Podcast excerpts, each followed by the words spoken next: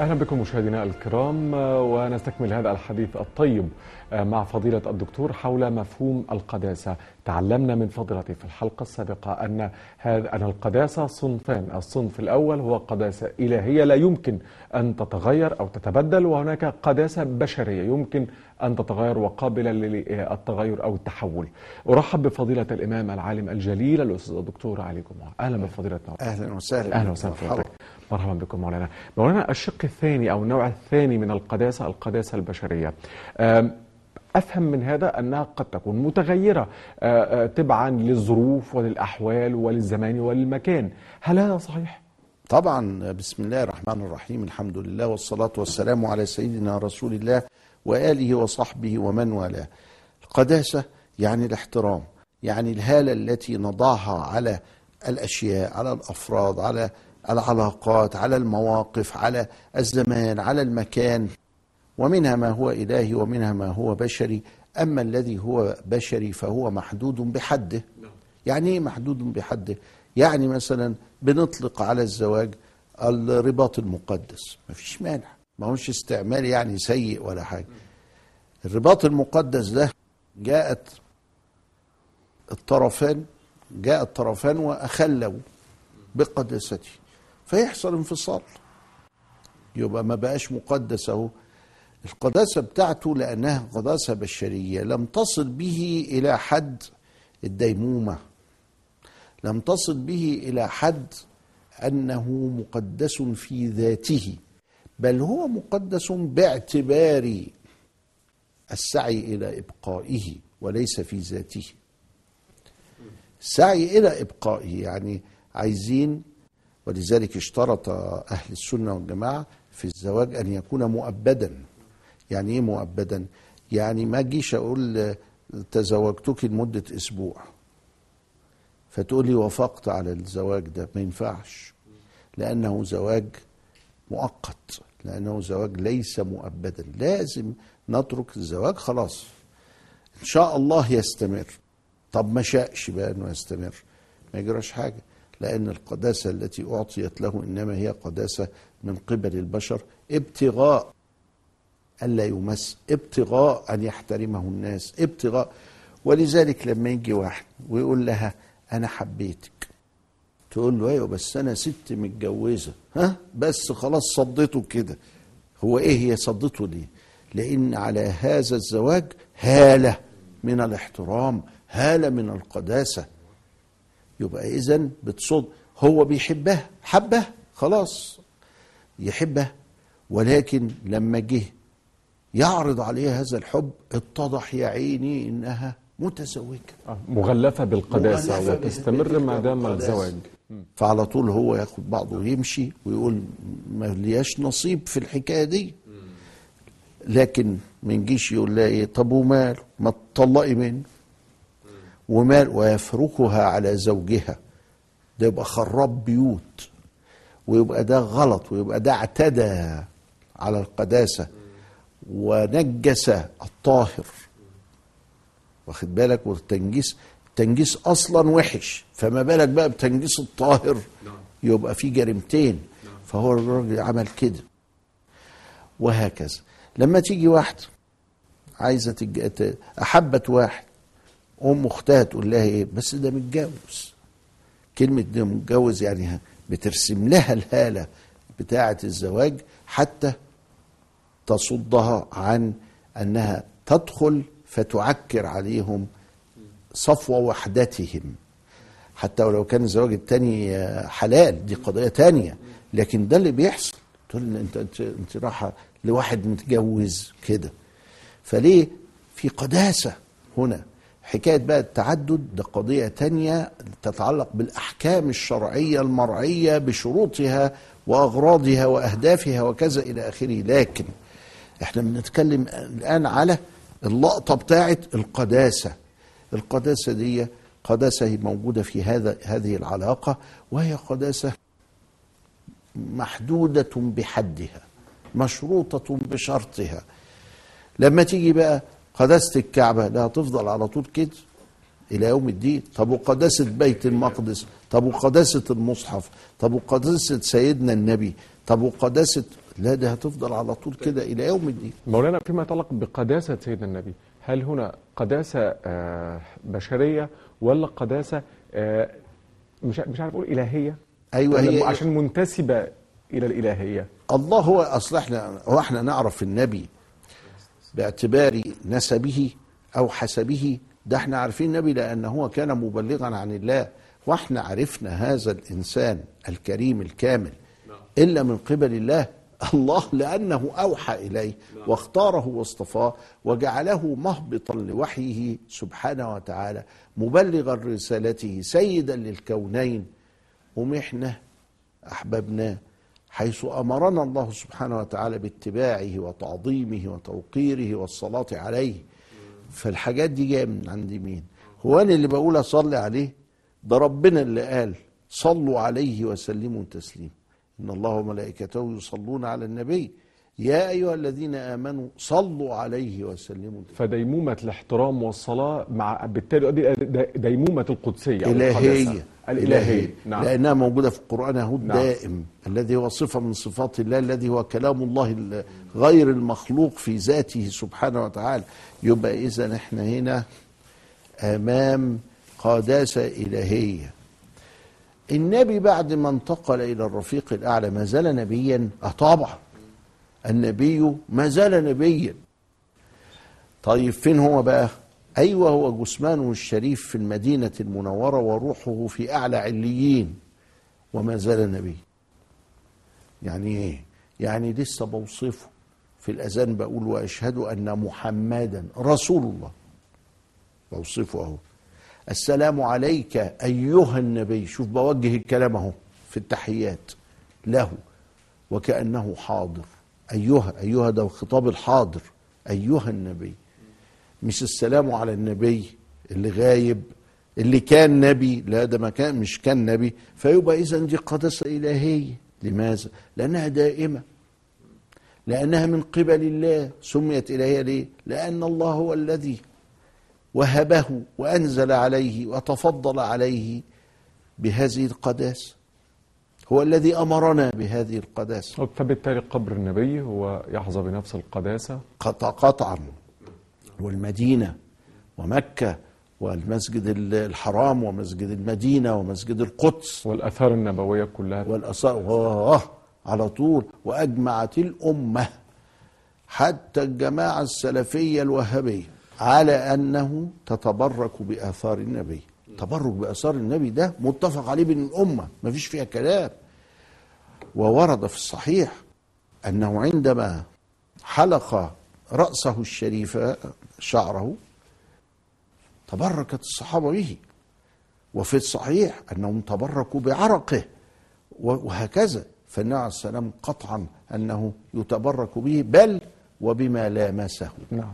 طيب بعض الناس بتختلف مثلا على قداسة الحجر الأسود فهل بالتالي ده يعني الانتقاص من القداسة أو عدم الاعتقاد بالقداسة قد ينتقص من من من إيمان الإنسان؟ هي القضية مش كده هي القضية إن المفاهيم مختلة ذلك الذي ظن في ذهنه أن القداسة لها علاقة بالعبادة العبادة مم. ها؟ مقدس يبقى يعبد أو من لدن الله. مثلا يعني حاجة ك- آه, آه وعرف أن الإسلام هو دين التوحيد. يأبى أن يصف الحجر بالمقدس. أيوه بمقدسه هو. بمقدسه اللي هو ها؟ من, من مفهومه. من مفهومه هو. من مفهومه هو. لكن إحنا بنصحح له المفهوم. وبنقول له هذه الحروف القاف والدال والسين لا تستعمل في قضية العبادة دي تستعمل في قضية الاحترام. هل أنت من الحشاشين الذين آه، آه، استولوا على الحجر فأهانوه؟ عايز تهين الحجر يعني؟ يقول لك أعوذ بالله. لا ده الحجر ده محترم. أقول بس محترم بيساوي مقدس. ده نفهمه يعني يعني مش بننكر آه، إنه بينفي عن الحجر العبادة. ما إحنا ما حدش فينا بي بيثبت للحجر العبادة. إنما بنف... بن... بنصحح له مفهوم القداسة بنقول له القداسة مش معناها كده وإنما معناها الاحترام وليس العبادة. آه يعني ده مولانا بيرد على اللي بيعتبروا تقديس ابن النبي عليه الصلاة والسلام بأنه شرك. يعني أنت بتقدس النبي أنت بتعبد النبي فبالتالي هذا المصطلح آه، خاطئ بقى. يعني تقديس النبي ليس شركا. ليس شركا بدون شك لأنه احترام النبي واجب. نعم. جاوبه على طول. قول له يعني انت ما بتحترمش النبي. هيجاوبك يقول لك إيه؟ لا الاحترام حاجة والتقديس حاجة تانية. ها يبقى هو متلخبط. ملوش دعوة باللغة العربية. كده لغة بقى فارسية تركي أي حاجة يعني. لكن اللغة العربية القدس معناها الطهر والاحترام وليس معناها العبادة. نعم نعم. فالنبي صلى الله عليه وسلم طبعا مقدس بمعنى محترم. ولم يعبده من المسلمين أحد. والحمد لله رب العالمين. فبالتالي هذا هذه القداسة والاحترام هو دائم نتيجة لما آه، ال- إلهي. إ- إ- إلهي صحيح فهو دائم. أما ما دون دائم. ذلك من الأمور البشرية أو المنتجات البشرية أو ما إلى ذلك قداسته مرتبطة ببقائه أو ببقاء احترامه بقاء يعني- اعتباره. أنت تعرف ميدان الأوبرا القديم القديم. في آه القاهرة. آه. في القاهرة. المنطقة اللي, اللي في وش الكوبري دي كوبري اللي طلع على الأزهر أيوه. كانت مسجد. وعندنا صوره. صور المسجد ده اللي هي الفوتوغرافيه مكان تمثال إبراهيم باشا؟ اللي في على شماله. على شماله. الشارع ده اللي هو أيوه. قصاد قصاد آه، آه، هو بقى فيه مجموعة من محلات كده. أيوه الجراج. الشارع اللي قصاد المجموعه من المحلات دي بيمشي فيه السيارات. مظبوط يا مولانا. آه آه. ده كان مسجد. وكان مسجدا متهدما وأزيل 1890 لكن قبل 1890 واحد جه صوره. مصوره مسجد بس إيه؟ يعني واقع كده. المسجد ده ليه أحكامه. وقداسته. فزالت عن هذا المكان القداسه لأنه بقى طريق. تمام. فهل لا يجوز للجنب أن يمرق من الحتة دي؟ لا يجوز. طب ليه؟ ليه يمرق من الحتة دي؟ ده قد كانت مسجدا. أيوه كانت. وأصبحت طريقا الآن. مفيش مانع. فالقداسة هنا بترفع. القداسه بترفع. خلاص. ليه؟ لأنها إنما أعطيت له بشرط. اعطيت له في حد أن يكون مسجدا. نعم. لكن لما زالت المسجدية يزول معها على طول القداسة بتاعته ويصبح طريق كسائر الطرق. جميل. دي غير بقى حكم ماذا نفعل في المسجد الذي خرب. بننقله في حتة تانية لكن ده خلاص بقى آه، آه، آه، بتاع. زي إيه كمان؟ المقابر. شارع صلاح سالم ده كله كان مقابر. وبعدين جه تخطيط المدينة إنه لازم هنا يمشي شريان علشان الناس تشوف حالها. فراحوا قايلين للناس إحنا المقابر كانت تبدأ منين؟ كانت تبدأ من مستشفى الحسين. أيوه في الدراسة مستشفى الحسين ده ده بداية مقابر المجاورين وأنت طالع كده على طول. فقالوا لهم ده إحنا هنعمل هنا شوارع وكده شيلوا الميتين اللي هنا. فشالوهم ودفنوهم في الناحية التانية. المقبرة دي ليها قدسية يعني ما ينفعش إن أنت تفتح على المسلمين ولا تهد قبورهم ولا تاخدهم بالكرارات ولا كده. دلوقتي المكان ده ملوش ذات القداسة لماذا؟ لأنه نقلت جثمان الأولياء الأتقياء العلماء إلى مكان آخر. وهكذا. آه،. فالقداسة هنا البشرية دي محدودة مشروطة مؤقتة ب ب- ب- بشروطها. طيب آه، آه، بعد الفاصل أستاذ فضلتك نتحدث عن المصريين أو الشعوب الإسلامية وخصوصا الشعب المصري كيف يتعامل مع مفهوم القداسة من وجهة نظر فضلتك؟ بعد الفاصل إن شاء الله ابقوا معنا. أهلا بحضراتكم مرة أخرى وهذا الحديث آه، الطيب والمهم والشيق مع فضيلة الدكتور علي جمعة حول مفهوم آه، القداسة. وأشكر حقيقة مرة أخرى فضلتك على تصحيح ويعني إيضاح هذه المفاهيم المختلطة لدى الكثير منا يعني. شكرا لحضرتك. آه، آه، نعود للقداسة ولكن فكرة هل آه، مفهوم القداسة آه، كيف بيؤثر في عقلية الشخص المسلم؟ وبالفعل كيف أثر في عقلية الشخص المسلم؟ آه، آه، سيدنا النبي رسم لنا حدودا تمسك بها المسلمون وإن شاء الله إلى يومنا هذا يقول فيها ليس منا. شو إزاي؟ ليس منا دي جامدة قوي ليس منا. من لم يوقر كبيرا ويرحم صغيرا. اذا نهج المسلمين هو مبني على توقير. توقير يعني إيه احترام. احترام يعني إيه تقدير. تقدير يعني إيه؟ يعني ابن شيبة ذهب واحد منهم عايز يتكلم علشان يشرح هو الجريمة حصلت إزاي وبتاع مش عارف إيه. فقال له رسول الله فيما أخرجه البخاري كبر كبر خلي أخوك الكبير هو اللي يتكلم. يبقى الأخ الكبير محترم مقدس يعني يعني الأخ كبير يعني في حكاية احترام الكبير. إحنا لما تربينا تربينا على كده. كان الراجل بتاع المكتبة بتاع الصيدلة الصيدلية بتاع ال- البقاء اللي هم لما الواحد كبر شوية كده يقول لي ده أنا اللي مربيك. يعني إيه أنا اللي مربيك؟ هو ماله بيا؟ هو كان من بقية عيلتنا؟ أيوة أنا نشأت في الحي. أنا رحت خدت منه وتعاملت. وهو بيحسب لي بيقول لي كذا بيبقى عشرة ساغ ونص. قول عشرة ساغ. ده كده علمني قيمة قيمة التسامح وقيمة التساهل في البيع والشراء وكذا. من غير ما قول عشرة ساغ. عشان عشرة ساغ ده مبلغ كبير ساعتها. فعشرة ساغ ونص يعني عمل لي خصم. واخد بالك؟ أو مثلا حاطط ال ال الحلويات. فأنا أعطيته العشرة ساغ اللي هي خدنا بيها حاجات كده قوم يديني منها الروحاية روحاية ولا ملبساية ولا حاجة كده. قوم دي تبقى أعز عندي من كل ما اشتريت وحصلت عليه. وأنا بتذوقها ما زال طعمها لغاية دلوقتي. ده أيوه ده رباني صحيح. ده اشترك في تربيتي أهو. يبقى إذا هذا الود هذا الحب هذه الرحمة هذا التسامح هذه التربية موجودة بإنك اوعى ترفع صوتك قدام الكبير اوعى. دلوقتي أصبحت هذه قيود يراد التفلت منها. بيقول لك لا دي حاجة اسمها السلطة الأبوية وإحنا عايزين نكسر السلطة الأبوية وفي حاجة اسمها سلطة الدولة وعايزين نكسر سلطة الدولة وفي حاجة اسمها سلطة اللغة وعايزين نكسر سلطة اللغة وفي حاجة اسمها سلطة الدين وعايزين نكسر سلطة الدين وفي حاجة. ليه يا جماعة؟ عايزين تكسروا السلطات دي ليه ده الإنسان لا يكون إنسانا إلا بها؟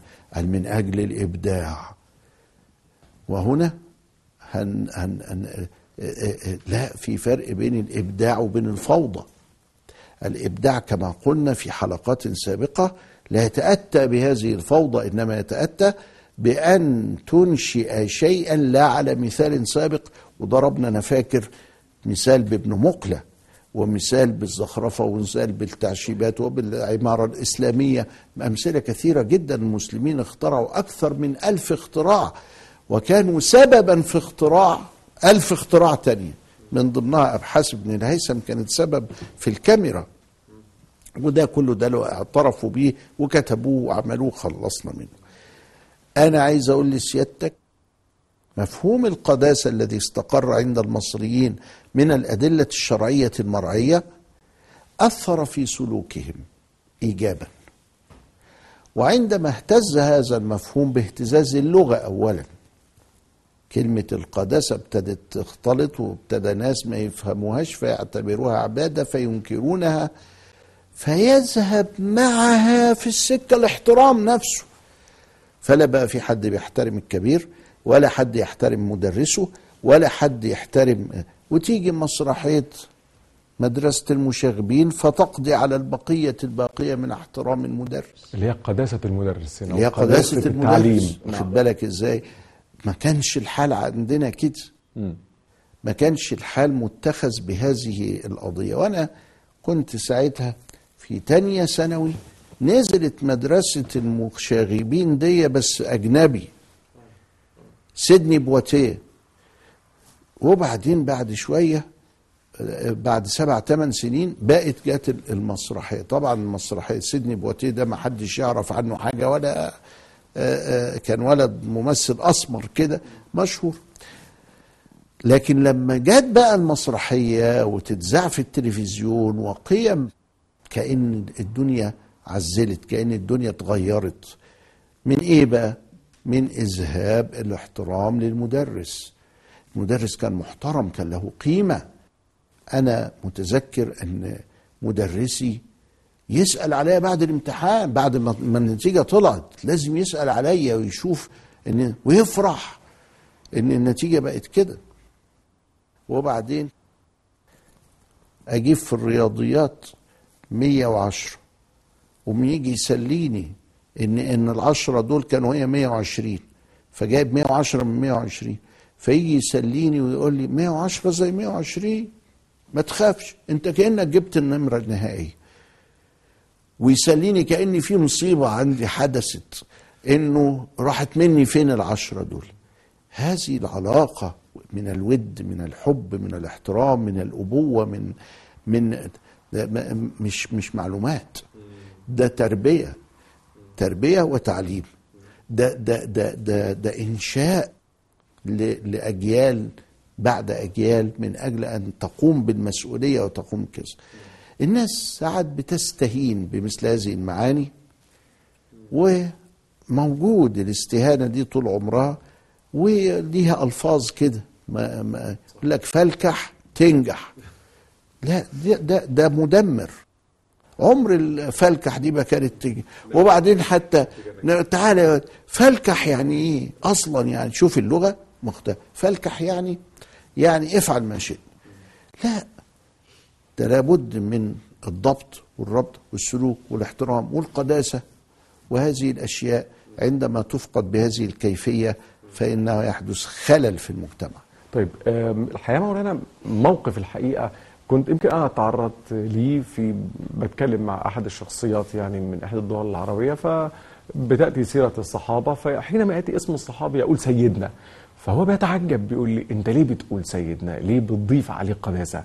ممكن حضرتك تشرح لنا أبعاد هذا الموقف يعني فكرة هل نطلق ونسيد الصحابة ولا لا نسيدهم؟ هل تقديسي لهم بهذا المصطلح هل هو فيه شيء؟ هل عدم تقديسه لهم عليه بالتالي وزر أو شيء؟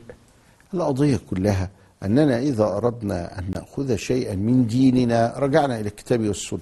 م. خلاص؟ ونشوف الكتاب والسنة بيقول إيه؟ فإذا رأيت مثلا في قصة سيدنا يوسف وأنه سمى العزيز سيد. خلاص؟ ونرجع في قصة سيدنا معاذ. قال النبي لما جه مجروح على بتاع قوموا إلى سيدكم فانزلوه طب ما هو سماه سيد اهو. طيب فأنا لما أقول سيد اتباعا للكتاب والسنة يلومني؟ طب ما أجي ألومه أنا؟ وأنا على فكرة ما لومتوش إنه يقول عمر وكذا إلى آخره. لأنه كان الصحابة ينادي بعضهم بعضا بهكذا. لكن قال رسول الله عن نفسه أنا سيد ولد آدم ولا فخر. فألفى يا سيدها لدى الباب. خلاص؟ ما هو إذا السيد أطلق أهو على العزيز وأطلق على الصحابي وأطلق على سيد الخلق أجمعين. فأنا لما أجي أقول سيدنا عمر يجرى حاجة يعني؟ يعني إيه جهة الاعتراض إلا الجفوة؟ فين ما تسيبني أقول اللي أنا درجت عليه وأقوله لأن فيه شيء من الاحترام. في شيء لما أجي في تعودنا في مصر لما نقول سيدنا عمر. على طول أنت عارف مين؟ عمر بن الخطاب. طب لما أقول لك على فكرة عمر قال تقول لي عمر مين؟ عمر أفندي ولا عمر مين عمر مين يعني ده؟ مين أنت؟ عمر مين؟ فحكاية أن العقل الحديث يحتاج إلى هدم القداسة ده كلام خايب كان عند بعض المدارس الأمريكية قبل سنة 1960 وإخواننا اللي بيدعوا إليه دول؟ اتعلموا قبل 60 وما عرفوش الثورة اللي حصلت في منتصف التسعينيات ولا عارفين الكلام الجديد إيه. وأنا بقول لك أهو إن الناس دي مش عارفة حتى مش عارفة تقلد. ال- الجفوة أو الجهل هو سبب عدم وضع الأمور في نصابها. نعم. وهل بالتالي منكر هذه القداسة يكون مرتكبا للذنب؟ إما لا لأنه لم يقدس أو- إنما لا مش ذنب لكن يكون مخالفا يكون غير محترما لنفسه لأن الله يقول خذ العفو وأمر بالعرف وأعرض عن الجاهلين. فليس ذنبا وإنما هو قصور أو تقصير. نعم. هل هناك حدود آه، آه، للقداسة؟ يجب ألا تتعدى في تقديسنا للشيء أو احترامنا للشيء. يجب ألا نتجاوزها إذا كان من المنظور آه، أو من منظور القداسة البشرية. ال ال يعني مثلا أضرب لك مثلا بتقديس المصحف مثلا. نعم. تقديس المصحف باخده. في حديث في مسلم وابن ماجه خذ بيمينك واعطي بيمينك. وما أنا حريص إن أنا أسلمك المصحف بيميني? لأن اليمين عندي لها رمزية إيجابية أكتر من اليسار. وبعدين لما نيجي نحطه ما نحطش كتب فوقيه. وبعدين لما أنت تاخده قوم تيجي رافعه كده وبايسه. واخد بالك؟ آه. كله ده من درجات القداسة من درجات القداسة. محدش بيعترض. يجي واحد بيدي واحد هدية للمصحف فيجي بايسه. تاني يقول لك انت بتبوسه ليه؟ ببوسه ليه؟ ده كلام الله. واخد بالك؟ مرة حدث في الهند ومكتوبة في كتب. حدث في الهند إن ناس اتنين أسلموا دخلوا الإسلام. وبعدين الراجل اللي هم أسلموا عنده عطاهم مصحف هدية. فخدوا المصحف وروحوا البيت. وبعدين قالوا الله إحنا ما قلناش للراجل ده الكتاب ده نحطه فين؟ ده كتاب ده كتاب ربنا. ده حاجة بتاع ربنا. ده بتاعت ربنا. فقالوا طب ونعمل إيه؟ قال مش عارف. الراجل مشي وإحنا مش عارفين. وما فيش حوالينا مسلمين نسألهم بيعملوا إيه في العبارة دي. فراحوا قلقانين وما ناموش فحطوه على راسهم طول الليل. لغاية ما ظهر النهار ابتدوا يتحركوا وهو على راسهم إلى الراجل في القرية التانية اللي أسلموا على إيديه فراحوا قالوا له إحنا دلوقتي إحنا خدنا منك كلام الله وما احناش عارفين نعمل فيه إيه نحطه فين قال لهم حطوه على ترابيزة حطوه كده قال بس كده. ده إحنا ما قدرناش ننام. ده إحنا كذا كذا كذا. الناس دي ما تعرفش عربي. في خلال شهر حفظوا القرآن. سبحان الله. في خلال شهر؟ في خلال شهر وهم ما يعرفوش عربي حفظوا القرآن. الناس دي إيه بقى؟ الناس دي عندها حب. الحب إحنا بنقول انه بيغير التخوم وانه يحرك الجبال. ما حدش مصدق مش راضيين يصدقوا. بيقول لك لا أنتوا بتتكلموا كلام خرافي. على كل حال من من ذاق عرف نعم. ومن عرف اغترف. نعم. واللي ما ذاقش الله يكون في عونه. الله يكون في عونه. نعم. لأنه ما شافش. ما هو ليه حق إن هو ما شافش؟ طب أنا شفت الكلام ده من فين؟ وشوف شدة الحب وشدة الاحترام وشدة التقديس للمصحف عملت فيهم إيه؟ نعم. لا لا إحنا قدامنا كنوز لكن ما حدش عارف عنها حاجة ولا حد عارف هو ده إذا كانت زلطة ولا إذا كانت حتة ماس. ولذلك ما همش مهتمين. نعم. بارك الله فيكم مولانا. أهلا شكرا. جزيلا لحضرتك.